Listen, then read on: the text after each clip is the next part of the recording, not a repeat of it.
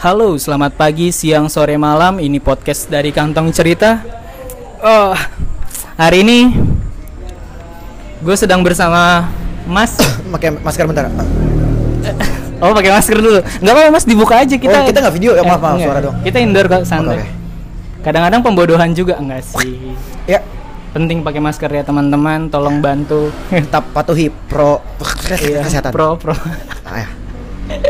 Oke Oke, gue lagi sama salah satu teman kolektif ya. Yap, Bisa dibilang teman kolektif. Di sini ada Masta, Mas Masta Amerta Mas Amerta iya bisa dipanggil mas dari Footnote Bombs. Apa sih Footnote Bombs, ya kan? Bombs, Footnote Jakarta. Bombs ini kalau misalkan dari penjelasan singkat Mas, silahkan dijelaskan. langsung di latar belakang aja kali ya Enggak sih, kalau Enggak, belum. misalkan mau langsung ke latar belakang kayaknya nanti bakal cringe. terlalu cepet ya Iya terlalu cepat. Jadi better kalau misalkan emang ngobrol ringan tuh apa yang em, jangan mendasari sih sebenarnya. Kenapa kenapa footnote bombs? dari nama dulu mungkin ya Mm-mm. ya mungkin kalau dari footnote bombs ya bisa teman-teman artiin juga gitu ke bahasa Indonesia ya nggak jauh-jauh makanan bukan bom gitu Mm. Nah, sebenarnya kalau misalkan perihal nama pun sebenarnya gue sama kawan-kawan ini nggak usah terlalu formal nggak apa-apa kali ya nggak aku kamu Nggak saya apa-apa, santai, nggak santai. apa-apa ya ya maaf emang nggak kurang berbudaya kalau kata di Seranti gue orangnya nggak terlalu berbudaya banget gitu Kadang-kadang kalau misalkan pesan netral disampaikan dengan kaku buat anak-anak kayak gitu tuh nggak kurang luas ya tapi- Heeh. oke Iya kan? Eh Nah, anak-anak dong. ya singkatnya kalau footnote bomb sebenarnya gue dan kawan-kawan juga ini ngadaptasi juga dari pergerakan grassroots ya akar rumput yang sebenarnya skalanya internasional. Perihal nama ya footnote bombs. Jadi nggak singkatnya nggak cuma di Jakarta bahkan skala Indonesia tapi di skala internasional pun footnote bombs ini ada di beberapa negara. Di Kuala Lumpur Malaysia salah satunya juga ada gitu. Nah sebenarnya kalau dari nama itu tadi, nah cuma kalau misalkan dari nafas perjuangan gitu ya dari arah pergerakan, sebenarnya gue dan kawan-kawan lebih apa ya kepantik itu ketika ngelihat apa ya daya juang atau solidaritas rakyat bantu rakyat di Indonesia itu sendiri yang sebenarnya bisa kita lihat di beberapa daerah di Indonesia. Nah teman-teman itu selain nama Food Not Bombs, teman-teman juga bergerak juga namanya itu antara dapur umum, solidaritas pangan dan beragam nama sebenarnya. Mm. Dan kenapa ngambil footnote bomb sebenarnya mau nge apa ya? Mau ngebalikin juga gitu. Kalau misalkan sebenarnya mau bantu mengingatkan juga gitu. Karena gue kemarin diingatkan dan kawan-kawan, sekarang gue mau coba mengembalikan apa ya? Mau kembali mengingatkan gitu. Kalau misalkan footnote bombs pun atau gerakan rakyat bantu rakyat ini nggak cuma ada di Indonesia, skala internasional pun ada gitu. Dan ketika ada teman-teman di Indonesia ya terkhusus ya yang ngelakuin pergerakan yang fokusnya ke pangan ini sih yang mendasari lah salah satu pergerakan Footnote Bombs Jakarta itu sendiri. Pangan itu kalau menurut bukan menurut sih. Pangan itu kan isu sentral menurut gue sih, Pak. Yap, sepakat, benar. Isu sentral. Pangan. Apa yang menjadikan lu tergerak untuk mendirikan atau membentuk Footnote Bombs ini? Apa keresahan dari lu pribadi dan teman-teman di kolektif? Maaf sambil nyalain rokok nggak? Eh, apa kan ya? Nggak apa-apa, sa- santai. Kan kita nggak pakai masker. Oke.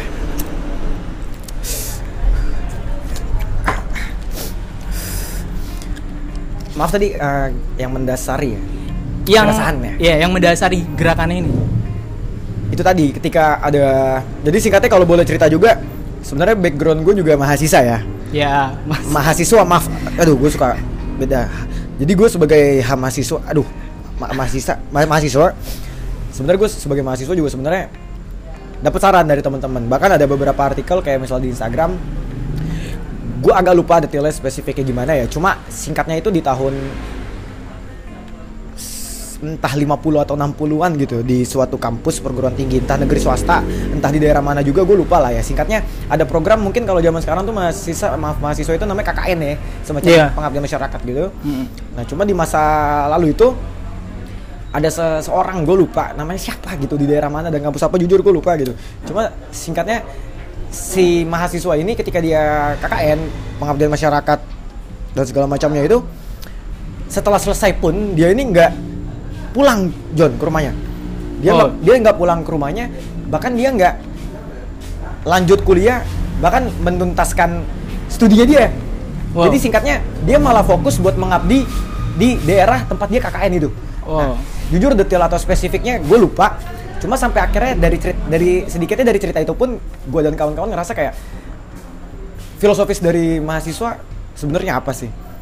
Banyak yang bilang mahasiswa itu agent of change iron stock social control segala macam gitu kan. Cuma apa harus dengan predikat mahasiswa gitu? Apa harus selalu lu turun ke jalan taruhlah lu demonstrasi unjuk rasa sekalipun lu harus pakai almet lu gitu. Lu harus nunjukin lu dari kampus mana. Kalau lu mahasiswa derajat lu lebih tinggi gitu. Tapi udah kan- maha parah emang. Tapi kan mahasiswa itu emang dituntut untuk eh, kritis dan menyampaikan suara publik gitu. Ibarat kalau misalnya gue bilang publik itu maksudnya masyarakat. cuma pada nyatanya mahasiswa itu beberapa ya nggak dominan mayoritas. Pada akhirnya cuma ikut terlibat dalam suatu isu itu terkadang nggak jauh-jauh demi mengibarkan bendera kampusnya atau organisasinya. Oke. beberapa ya. Entah itu eksternal atau uh, ormek saya organisasi mahasiswa ekstra kan. Nah sebutlah OKP kan oleh kemudahan nah singkatnya di pergerakan grassroots ini pergerakan akar rumput ini kita ini nggak pakai nama organisasi kita nggak pakai nama apa ya Tidak membalut diri dengan Tidak. bendera tertentu gitu. Iya. Contoh sederhananya kayak kita pun bergabung itu ya dengan kolektif apa pun gitu. Di luar eh, pemerintahan ya, parpol apalagi ormas gitu.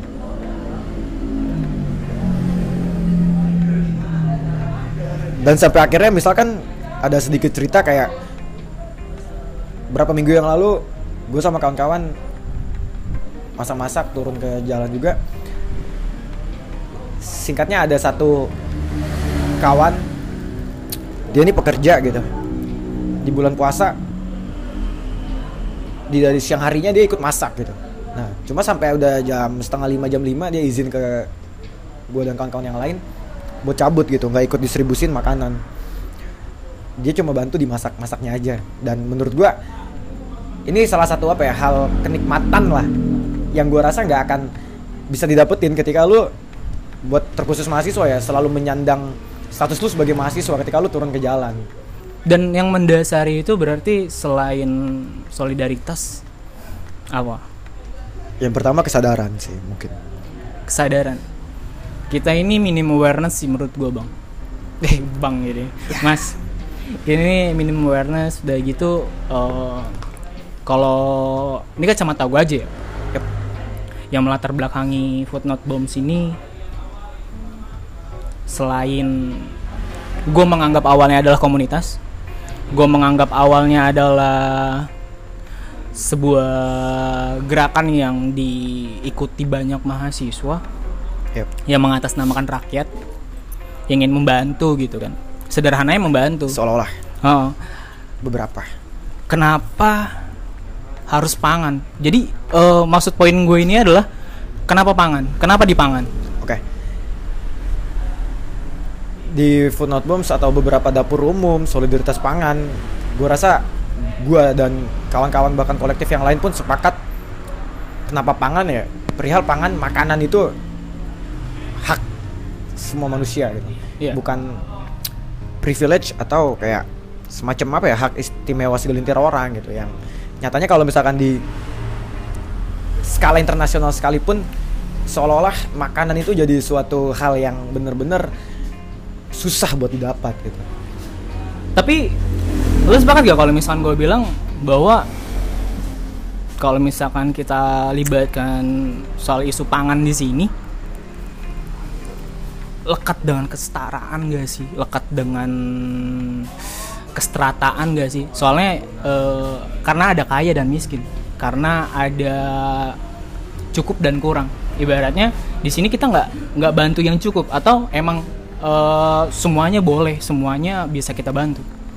Ya se- sebenarnya dari apa ya state system atau sistem negara yang ada sekarang gitu ya bisa kita simpulin mungkin sedikit kayak kapitalis kali ya apa iya gue nggak terlalu paham juga lah ya perihalisme gitu. Cuma sedikit yang gue paham perbedaan sekat atau kelas yang ada di negara kita itu bener-bener besar banget temboknya gitu.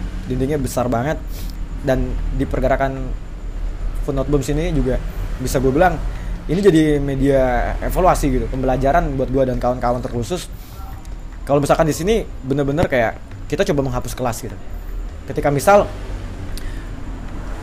ada temen yang misal nanya ini apa fokus ke manusia gerobak? Apa ini fokus ke orang miskin? Ketika ada yang memberi saran atau memberi masukan kita ke titik yang maaf misal pemukimannya kumuh ada tunawisma segala macam ya kita ke tunawisma cuma okay. ada gua dan beberapa kawan-kawan juga yang sepakat untuk kaum baru untuk kaum baru berjuasi sekalipun buat orang-orang yang berkecukupan sekalipun yang misal dia punya debit gitu kartu rekening dan tapi ATM atau bank jauh gitu tapi dia lapar dan dia mau makan gitu silakan makan gitu hmm, hmm. karena gue dan beberapa kawan juga sepakat kayak ya karena emang makanan adalah hak semua orang pun gak ada kelas yang memisahkan gitu ketika siapa pun lapar silakan ma makan gitu dan pada akhirnya si kaum berjuasi si kaum yang berkecukupan pun pada akhirnya nanti akan sadar ketika makanan yang sebenarnya dimasak untuk orang-orang yang membutuhkan tapi sebenarnya dia cuma sekedar lapar gitu mm-hmm. dan bisa makan di rumahnya atau dia bisa ngambil uh, duit di ATM-nya tapi dia tetap makan ya jujur sebenarnya kayak harusnya malu uh-huh. sebenarnya uh-huh.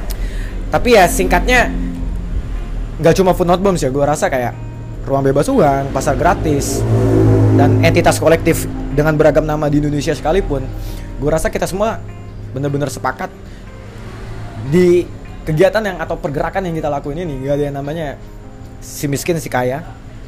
Bahkan nggak ada yang baik hati gitu. Si dermawan itu nggak ada. Ini cuma jadi media pembelajaran kita lagi gimana caranya kita tuh ingat gitu. Kita ini manusia. Oke. Okay. kita cuma manusia dan selayaknya bersikaplah seperti manusia gitu. Saling membantu. Oke. Okay. jadi poin yang gua tangkap ini adalah ini perihal perut ya mas ya? Ini perihal perut dan kesadaran sih. Perihal perut dan kesadaran. Karena makanan itu adalah hak segala manusia. Yep. Makhluk hidup lah ya? Makhluk hidup bahkan termasuk yeah. binatang termasuk binatang. Kan karena pertumbuhan beton di Indonesia cukup pesat kayak kita juga bakal lama kelamaan akan terkikis. Lahan-lahan yang bisa kita garap untuk jadi bisa apa ya? Lu lu bakal percaya nggak sih? 2 sampai 10 tahun ke depan kita nggak bakal nemuin lahan-lahan yang ditumbuhin sama tanaman. tanaman sayuran uh, lebih spesifiknya di ibu kota atau enggak di kota-kota kecil di sampingnya gitu yep. apa lu bakal bakal ikut tergerak juga untuk membangun sebuah komoditi di situ nah sebenarnya juga kalau kita mau ngelirik sedikit ke kawan-kawan solidaritas pangan atau bahkan dapur umum teman-teman pun coba mengembalikan apa ya budaya tentang apa sih pentingnya menanam gitu ya yeah. Menyinggung juga apa yang tadi lu bahas perihal beton yang tumbuh sumur di negara kita yang kaya hmm. gitu kan? Subur subur. Subur maaf. Yeah. ah, sumur lagi salah. Dan beberapa dapur umum yang gue dan kawan-kawan tahu juga kalau nggak salah bahkan nggak kalau nggak salah tapi emang bener kawan-kawan dapur umum itu mereka punya kolektif space mereka sendiri ya nggak cuma ada perpustakaan tempat buat diskusi nongkrong segala macam gitu ya. Tapi mereka juga berkebun di sana mereka menanam dengan penuh cinta gitu dan beberapa sayuran yang mereka tanam itu ya itu yang mereka distribusi segala macam bahkan ada beberapa solidaritas pangan kalau nggak salah yang sampai mereka pun sampai punya relasi akses ke petani-petani gitu. Iya, yeah, iya. Yeah dan yang kerennya ada beberapa petani pun yang dengan sukarela mereka menyumbangkan beberapa sayuran yang mereka tanam ini yang menurut gua gotong royong di Indonesia itu sebenarnya masih ada. Yep, yep, Cuma yep. emang gimana caranya kita cari cara kita masing-masing aja. Dan sadar nggak uh, bentuk bentuk seperti itu tuh dari bawah ke tengah aja, nggak dari tengah ke atas, terus dari atas ke tengah kita nggak bisa mencakup daerah atas ibaratnya daerah atas tuh semacam kayak kalau misalkan tadi ada kaum kaum Berkecukupan. berkecukupan berkecukupan yang kayak kalau kayak gini kayak gini lo cuma cari muka deh di masyarakat. Nanti lo bakal ada tujuan politik lo bakal ada tujuan untuk ah pas banget gue jadi keinget ada beberapa Cari kolektif yang simpati. kalau nggak salah juga mereka ini menekankan tiga prinsip. Hmm, sebenarnya ada banyak gitu cuma ada tiga prinsip yang isinya itu kayak kaum fasis, rasis, seksis dilarang tapi ada juga yang tiga prinsip itu semacam kayak tiga hal yang tidak diperbolehkan juga. Ada di gerakan grassroots ya termasuk ke Food Not Bombs Jakarta pertama itu agenda politik terselubung Oke. Yang kayak lu bilang tadi gitu entah tiba-tiba ntar dia nyalek gitu nah Iya. jadi ketua RT kelurahan Iya. segala macam gua nggak nggak- nggak paham lah ya cuma sikatnya agenda politik terselubung itu tidak boleh terus kedua pretensi heroik pretensi kalau nggak salah di KBBI itu yang versi 5 kan mengolah eh mengada-ngada seolah-olah gitu jadi seolah-olah ada hero ada pahlawan di Hmm, gerakan itu hmm, hmm. abang-abangan segala macam dan ketiga itu yang nggak boleh ada narsistik. Narsis ini di antara dimaksudkannya itu ketika lo narsis tapi ini untuk memperbesar lagi komunitas lo atau grassroots lo atau kolektif lo misal. Menurut gue itu nggak ada masalah. Cuma ketika narsisnya ini untuk kepentingan lo pribadi entah buat biro jodoh ya lo nyari pasangan segala macam gitu. Iya. bahkan sampai ngelakuin hal yang di luar batas ya. Iya iya. Aduh itu mohon maaf nggak ada toleransi sama sekali oke oke oke oke. Soalnya saya nggak mau menyinggung ke ranah itu sih. Tapi Iya. balik lagi ke topik kita soal footnote bombs ini yang melatar belakang eh, melatar belakangi lagi. Latar belakang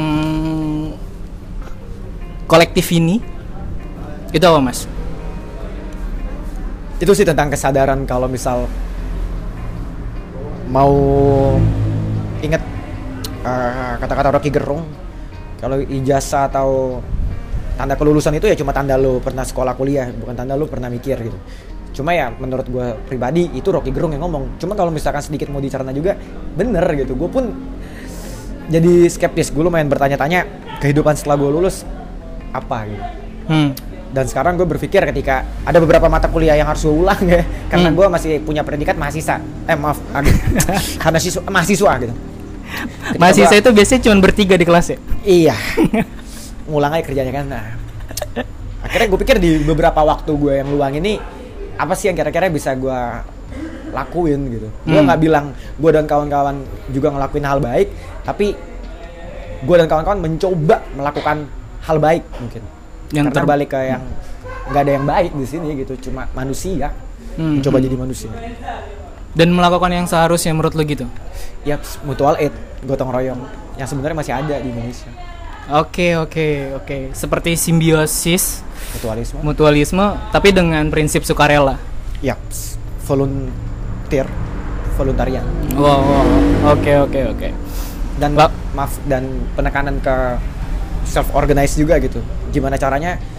Lu nggak usah ngeorganisir orang-orang banyak. Lu nggak usah organisir satu kelompok gitu Hmm? minimal lu organisir diri lu sendiri paham betul pahami betul kapasitas di diri lu paham pahamin betul apa yang diri lu punya itu salah satu bentuk self organize gitu entah Oh. sekedar sesederhana ngelempar pamflet gitu ngelempar Oke. informasi sekalipun gitu Oke oke. karena bentuk partisipasi bisa apa pun Oke. Dan tujuan kolektif ini apa cuma berbagi makanan tok selamanya atau lo akan ngembangin ide-ide baru dan ngajak apa ya? Bukan ngajak sih seperti gue pernah ketemu sama beberapa apa sih kalau bisa gue bilang aktivis ya aktivis lingkungan aktivis lingkungan coba mengajak masyarakat tanpa embel-embel kolektif atau organisasi tertentu sekalipun untuk awareness terhadap lingkungan. Oke. Misinya itu aja. Tanpa lu harus nanam tanaman di, de- di dekat rumah lu atau nanam tanaman Oke. di halaman rumah lu dia cuma minta bahwa kita peduli aja sama lingkungan. Bisa dari eh bisa dari contoh-contoh kecil buang sampah pada tempatnya misalnya kayak Ya. gitu kan. Nah sedangkan eh, food not bombs ini selain berbagi makanan tujuannya apa lagi? Sama kayak teman-teman free market pasar gratis ruang bebas uang di beberapa daerah di Indonesia juga. Kita Funat Bombs Jakarta juga sepakat kata-kata not for charity this is a protest itu tetap berlaku juga. Bahwa saya kegiatan kita bukan amal sama sekali tapi ini protes bentuk ketimpangan. Dan beberapa kali pun kita sebenarnya juga coba buat terlibat juga di beberapa isu yang ada. Nggak semua isu tapi ada beberapa isu yang ada. Dan kalau misalkan ke perihal lingkungan pun jujur gue pribadi juga coba mau ngefokusin diri gue pun concern ke lingkungan. Dan beberapa kali juga kita bikin kegiatan juga itu pun bergabung berkolaborasi juga bareng beberapa simpul yang salah satunya bahkan salah duanya waktu itu ada yang eh, fokusnya ke lingkungan juga ke climate change segala macam jadi kalau misalkan arah juang pun sebenarnya perihal lingkungan pun kita akan lebih ke arah situ sebenarnya. Karena kayak yang gue bilang tadi beberapa kolektif dapur umum solidaritas pangan selain berkoordinasi ber apa ya berkomunikasi ke petani segala macam teman-teman pun bertanam juga gitu. Mereka berkebun menanam sayuran segala macam dan jika waktu dan tempat mempersilahkan juga dalam jangka waktu yang dekat pun kita akan coba cari lahan terbuka. Kita akan cari lahan kosong yang semoga bisa kita gunakan juga buat menanam gitu. Nah sebenarnya balik ke lahan kosong itu di setiap daerah rumah kita teman-teman kita gitu. Hmm, hmm, sebenarnya ada kan. Cuma Hmm. apa ya mengingat kolektif space kolektif space ruang belajar ruang belajar rumah baca rumah baca perpustakaan perpustakaan di beberapa daerah gitu. Gue dan kawan-kawan berpikir kayak kenapa nggak kita coba ke arah sana? Nah kita nggak jauh-jauh kita nggak muluk-muluk ke arah sekolah ke rumah baca ruang belajar. Cuma kita mau ke arah perkebunan. Nggak perkebunan kalau perkebunan kayak besar banget ya. Kebun kebun aja cukup kebun gitu. Ya oke Ah, ah. Dan kalau bisa ya di Jakarta gitu Jakarta Hmm. Selatan Timur dan kemungkinan kita akan di Jakarta Timur karena udah ada beberapa saran ada beberapa lahan di daerah Jakarta Timur yang kemungkinan bisa kita pergunakan juga dan ya kemungkinan kita akan bergerak di sana gitu Oh berarti berarti masuk juga ke pendidikan juga ya kemungkinan soalnya eh setahu gue sekolah alam di Indonesia itu lumayan mahal kan bayarnya. Yap. Berarti dengan adanya footnote bombs dan teman-teman yang bisa dibilang eh lu mengakui gak sih kalau misalnya gue bilang aktivis sih? ah tipis Ah tipis. Iya, karena bener-bener tipis ilmu gua gitu. Oke. Ilmu bahkan kapasitas gua tuh tipis banget dibanding kawan-kawan yang udah bergerak lebih dulu dibanding gua Oke, dan kawan-kawan dan bukan ngerasa minder atau pesimis, gue jujur malah lebih terpacu lagi gitu. Ketika tahu teman-teman yang mencoba, yang bahkan sudah melakukan hal baik itu banyak parah, itu yang bakal kita tuju. Makanya sekedar info juga, ketika kita mau bikin kebun kecil-kecilan ya, collective space atau apa pun nanti namanya, kita juga akan minta selain restu ya, kita akan minta bantuan teman-teman perihal informasi entah itu kolektif space, rumah baca, ruang belajar yang ada di Jakarta atau bahkan di luar Jakarta sekalipun, kita pun akan datang juga gitu. Mhm. Karena sekedar apa ya informasi juga, gue dan kawan-kawan berpikiran menggunakan nama Footnote Bombs Jakarta tanpa benar-benar tahu kalau misalkan ternyata di beberapa tahun yang lalu Footnote Bombs Jakarta pun ternyata ada. Oke. Nah singkatnya itu ini keren banget sih. Jadi berapa minggu yang lalu, maaf berapa bulan yang lalu, tiba-tiba ada yang jadi ada admin yang megang Instagram Footnote Bombs ini bilang gitu, eh masa tiba-tiba ada yang ngepost terus ngetek Footnote Bombs bikin SG. Terus akhirnya gue lihat kan, oh namanya akunnya itu perpus kita Parung Panjang daerah Bogor. Oh, oh. Nah, ternyata gambar yang diposting itu itu kayak sketsa gambar kalau misalkan ternyata di sana ada penjelasan salah satu inisiator Footnote Bombs yang awal mula ada. Jadi singkatnya Footnote Bombs ini kan nggak cuma di Indonesia ya. Aha, aha. Skala internasional pun Footnote Bombs ini banyak di beberapa negara. Dan Footnote Bombs itu pertama kali ada tahun 1980-an, sekedar informasi. Dan salah satu inisiatornya itu namanya Kate McHenry dan ternyata di tahun 2013 Kate McHenry ini pun datang ke Indonesia Oke. dan ketemu sama teman-teman Footnote Bombs Jakarta di beberapa tahun yang lalu. Oke. Nah, dan beberapa teman-teman Footnote Bombs di masa lalu itu ada yang udah bikin collective space. Hmm. Perpus kita Parung Banjang salah satunya. Ini gue dan kawan-kawan masih belum berkesempatan buat datang tapi bener-bener kalau perpus kita Parung Panjang ngedenger podcast ini jujur gue dan kawan-kawan pengen banget belajar bareng kalian gitu. Asik, semoga- semoga denger gitu. Karena keren gitu ada perkebunannya segala macem. Kayak semoga jika waktu dan tempat mempersilakan gue dan kawan-kawan akan main ke perpus kita Parung Panjang. Oh berarti berarti ini eh, bisa dibilang tongkat estafet dong bang ya? Eh mas ya? secara nggak langsung Soalnya iya soalnya ternyata di beberapa tahun di beberapa yang lalu lalu tuh ada sebelum lu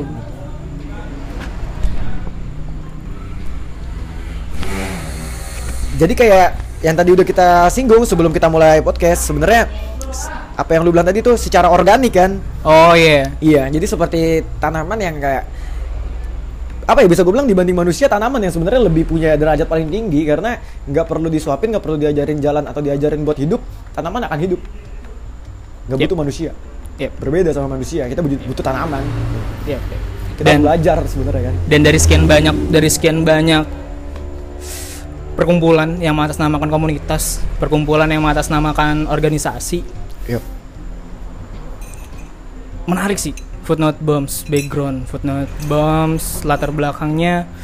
Berarti nggak ada pemim nggak ada kepemimpinan di sini. Yap, nggak ada struktur secara tertulis. tertulis di sini. Struktur secara tertulis itu paling mentok-mentok hamin berapa hari ketika kita mau kegiatan. Dan itu pun sebenarnya bukan koordinator tapi semacam PJ ketika ada beberapa lapakan misal harus ada yang jaga juga kan. Nah Hmm. makanya teman-teman lah yang nanti di- ditulis yang Hmm. kalian ini maunya di lapakan apa. Dan Hmm. itu secara sukarela juga nggak ada pun nggak ada masalah. Dan di hari hanya beda pun nggak ada masalah. Nggak maksud gue berarti secara tidak langsung eh, kolektif ini tumbuh secara organik gitu. Kalau misalkan lo sebut Yaps. tadi ini adalah gerakan grassroots dari akar rumput berarti ini adalah bunganya untuk tumbuh. Semoga. Amin. antara bunga atau tapi lilin. tapi tetap sih bang. Yuk. eh tetap sih mas. Maksudnya kalau gue pribadi nggak tahu skeptis atau terlalu netting sih. Kadang-kadang gue suka nggak percaya sama bentuk-bentuk kegiatan atau enggak atas nama kelompok. Yuk eh, menciptakan sebuah kegiatan atau enggak membuat kegiatan charity tanpa ada tujuan tertentu. Kadang-kadang gue pasti mikir, ah nanti lo bikin kayak gini, lo posting, nanti lo bikin kayak gini, nanti lo dokumentasiin cuma buat dilihat masyarakat banyak. Entah itu cuma cari attention atau enggak lo cuma cari Yap. simpati dari orang banyak. Yang tadi gue sempat singgung ada tujuan-tujuan terselubung. Di sini kira-kira eh, dari lo pribadi tujuannya bener real cuma atas kesadaran diri aja. sejauh ini jelas cuma kesadaran sama cinta gitu karena kalau boleh sharing lagi juga sebenarnya ketika apa yang mau dicari misal eh, jabatan ya. Hmm. misalkan ada salah satu partisipan juga kawan juga. Dia berapa waktu yang lalu berapa bulan yang lalu pun punya jabatan singkatnya ketua organisasi di kampusnya. Bahkan tingkatannya universitas. Tapi sekarang dia milih buat menanggalkan identitas dia sebagai mahasiswa bahkan jabatan dia sebagai ketua kemarin. Ada di satu perguruan tinggi swasta lah. Nah terus juga misalkan ada satu cerita lagi tentang partisipan juga kawan juga singkatnya dia ini tinggal di Sumarekon Bekasi John Oke, Nah, oke. ini kalau kita bilang Sumarekon Bekasi ntar pasti ada beberapa yang bilang hah di SMB-nya di Itu- flyover-nya Itu mall, Pak. Iya, dipercandain itu di mall Iya, gitu kan. Tapi kalau misalnya untuk warga Bekasi udah pasti tahu itu adalah kawasan elit. Nah, cuma kalau buat orang-orang Bekasi atau beberapa orang yang tahu itu kawasan elit gitu. Nah, singkatnya ada satu partisipan juga tinggalnya bener-bener di Sumarekon Bekasi dan di klaster Lotus. Ya, itu yang gue ingat 2015-2014 pun rumahnya harganya 3 udah sampai 4 M kalau nggak salah. Oke. Bahkan pernah cerita juga pas orang tuanya lagi keos lah ya. Aduh, Oke. keos pisan ya. Orang tua juga tuh keluarganya. Kasihan. Itu sampai ibunya dia kasih tahu, ibunya dia itu ngasih tahu kalau misalkan ayahnya pun punya aset sampai sebutannya T gitu, triliunan. Mobilnya Oke. udah kayak showroom di Oke. rumah. Oke. Dan bahkan dia punya rumah juga di daerah Bekasi Barat ya, mepet Jakarta Timur juga. Rumahnya pun lumayan lah ya, hook gitu besar juga. Oke. Dan itu ya di, dibiarin gitu, di, dipersilakan buat kita, gua dan kawan-kawan masak di sana, numpang. Dan menurut gua hal-hal ditambah juga misal ada temen juga yang pekerja gitu, nggak cuma Mhm. mahasiswa kan Hmm. ada ada juga pekerja. Nah, di beberapa minggu yang lalu ketika masak-masak pun di rumah yang berjuasi itu tadi ya, Hmm. ketika masak-masak ikut datang dari siang. Nah tapi ketika udah jam setengah lima, jam lima sore menuju buka dan menuju distribusi makanan, dia pulang izin karena bilang ke gue dan kawan-kawan mau bukber sama keluarganya gitu. Hai, sampai memberikan loyalitas segitunya. Iya. Dan ada beberapa kawan-kawan yang cuma sekedar masak, tapi nggak ikut ngelapak juga, tapi malah bersih bersihnya doang. Jadi ada beberapa yang bagi-bagi turun di lapangan di jalan, tapi ada beberapa yang pulang, ada beberapa juga yang bersih bersih di rumah. Bersih bersih alat Oke. masak. Oke, tetap Dan- tetap menerapkan prinsip masih maksudnya itu tuh manajemen waktu juga kan maksudnya. Lu Yaps. tetap menyediakan waktu lu, tetap meluangkan waktu lu demi ikut serta terlibat dalam sebuah kegiatan positif menurut gua gitu ya. Apa pun kemasannya menurut itu gua. makanya buat teman-teman yang masih punya prioritas tapi masih bisa apa ya memberikan jeda bahkan apa ya meluangkan waktunya untuk mencoba melakukan hal baik gitu. Uh-uh. ini yang menurut gua hormat setinggi tingginya dan gua rasa ini kenikmatan yang baru gua rasain yang ketika gue pikir dari berapa minggu bahkan bulan terakhir kayak kenapa baru gua lakuin gitu? Kenapa Hmm, hmm, gua nggak ngelakuin apa yang teman-teman kolektif udah lakuin hmm, hmm, hmm. kolektif lain dan ini keren banget sih Ya, enggak, bukan gua, bukan lo yang harusnya ngomong kayak gitu, gua sih yang ngomong kayak gitu. Ini keren sih.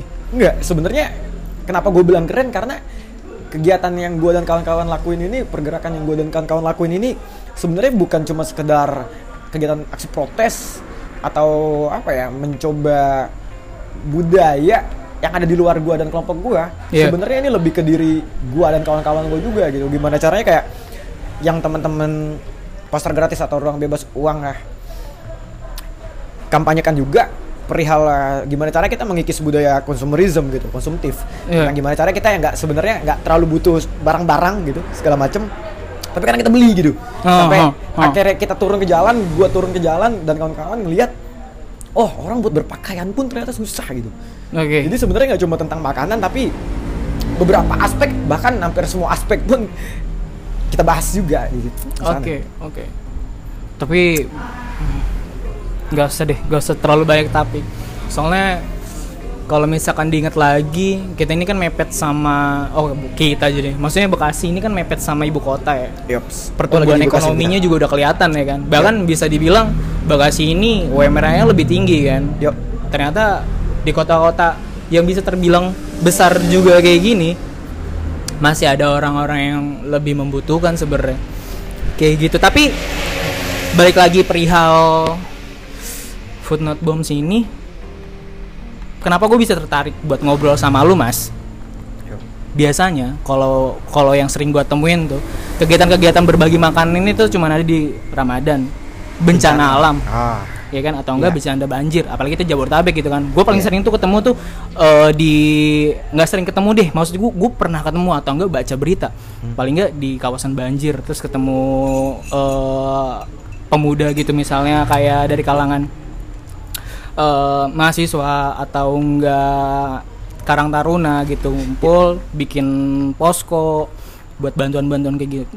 Tapi kalau lu pribadi berarti ini enggak enggak cuma di di momen-momen tertentu lu bisa tiap minggu lu bisa tiap hari Iya.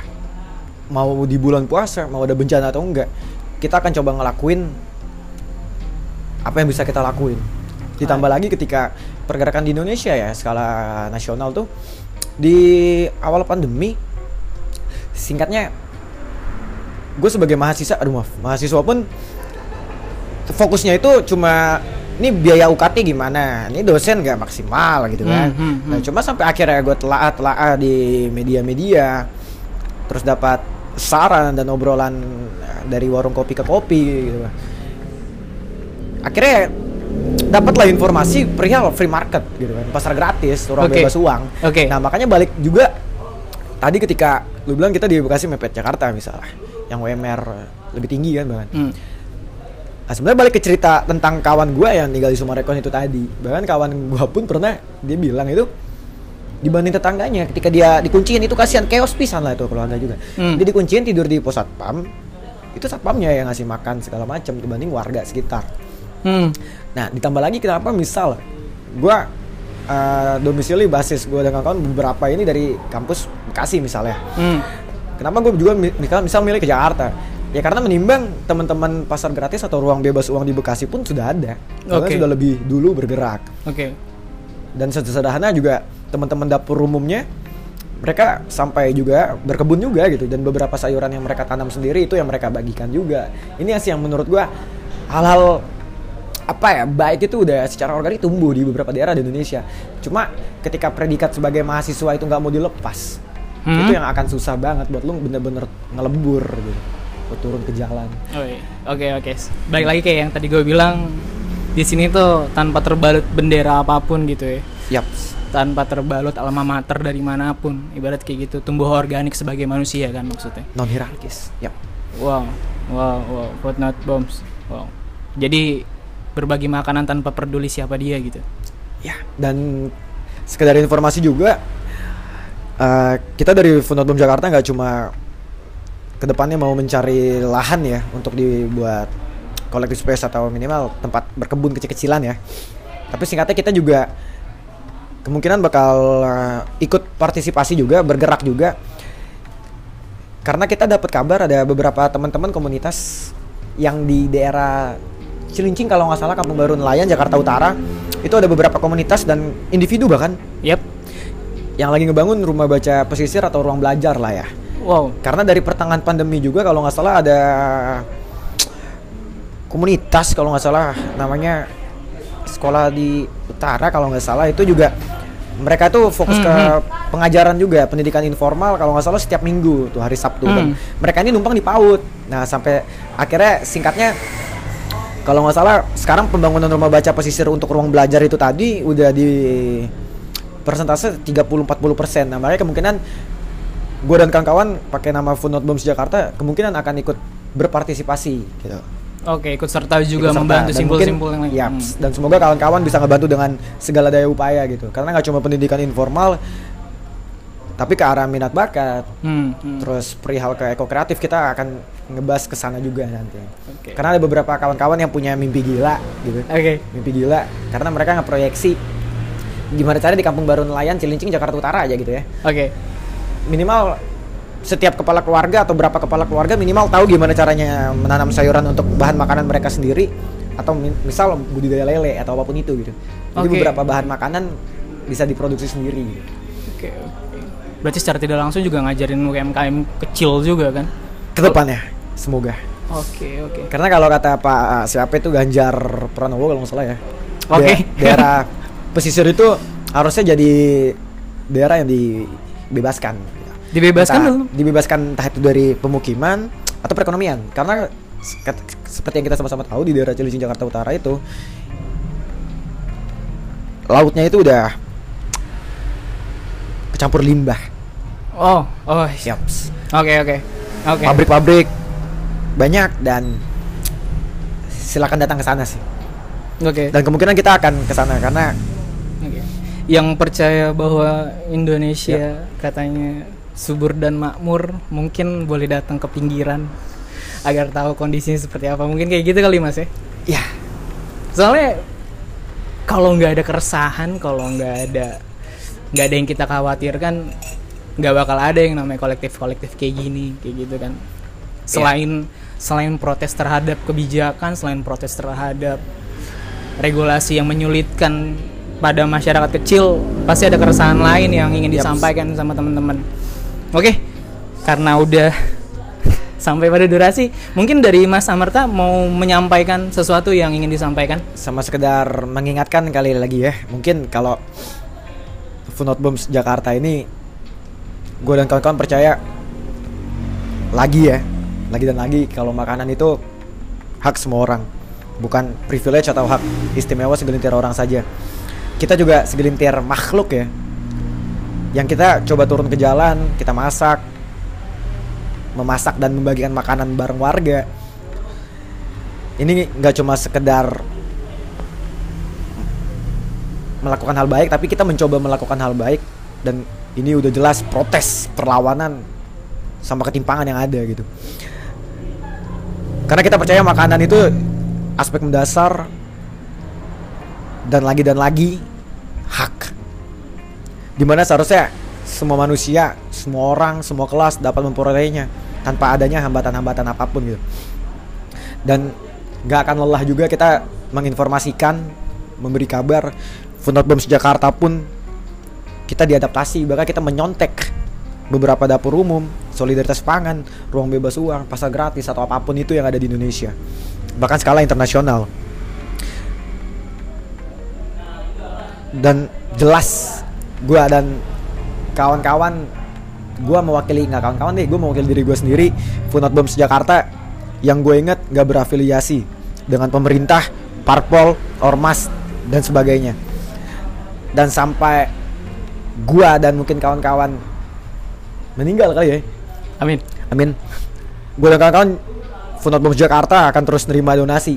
Entah itu bibit sayuran bahan pangan alat masak bahkan juru memasak. Dan kawan-kawan yang punya kemampuan atau bidang perihal pertanaman pun kita nggak akan sungkan buat belajar dari kalian. Dan perihal informasi lahan yang bisa kita pakai pun akan terus kita terima.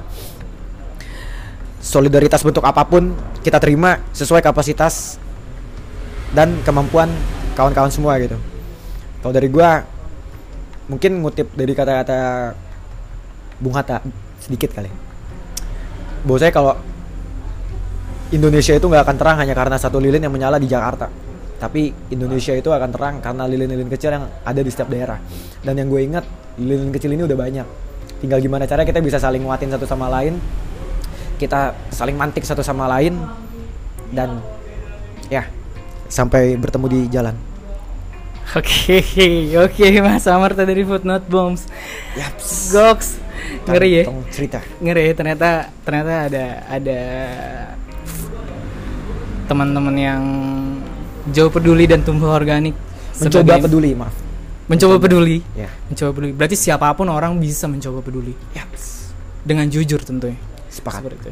Ah, sama satu lagi sebelum kita nutup pembicaraan ini buat siapa pun yang ingin membantu, siapa pun yang ingin ikut berpartisipasi, ikut serta membantu, itu gimana Mas caranya? sila berkabar DM ke Footnote Bombs Jakarta juga adminnya ada banyak gitu jadi akan fast respon lah bahasanya gitu akan cepat lah semoga Hmm. dibalasnya dan Tap- tapi akan terima donasi dalam bentuk apa pun kan?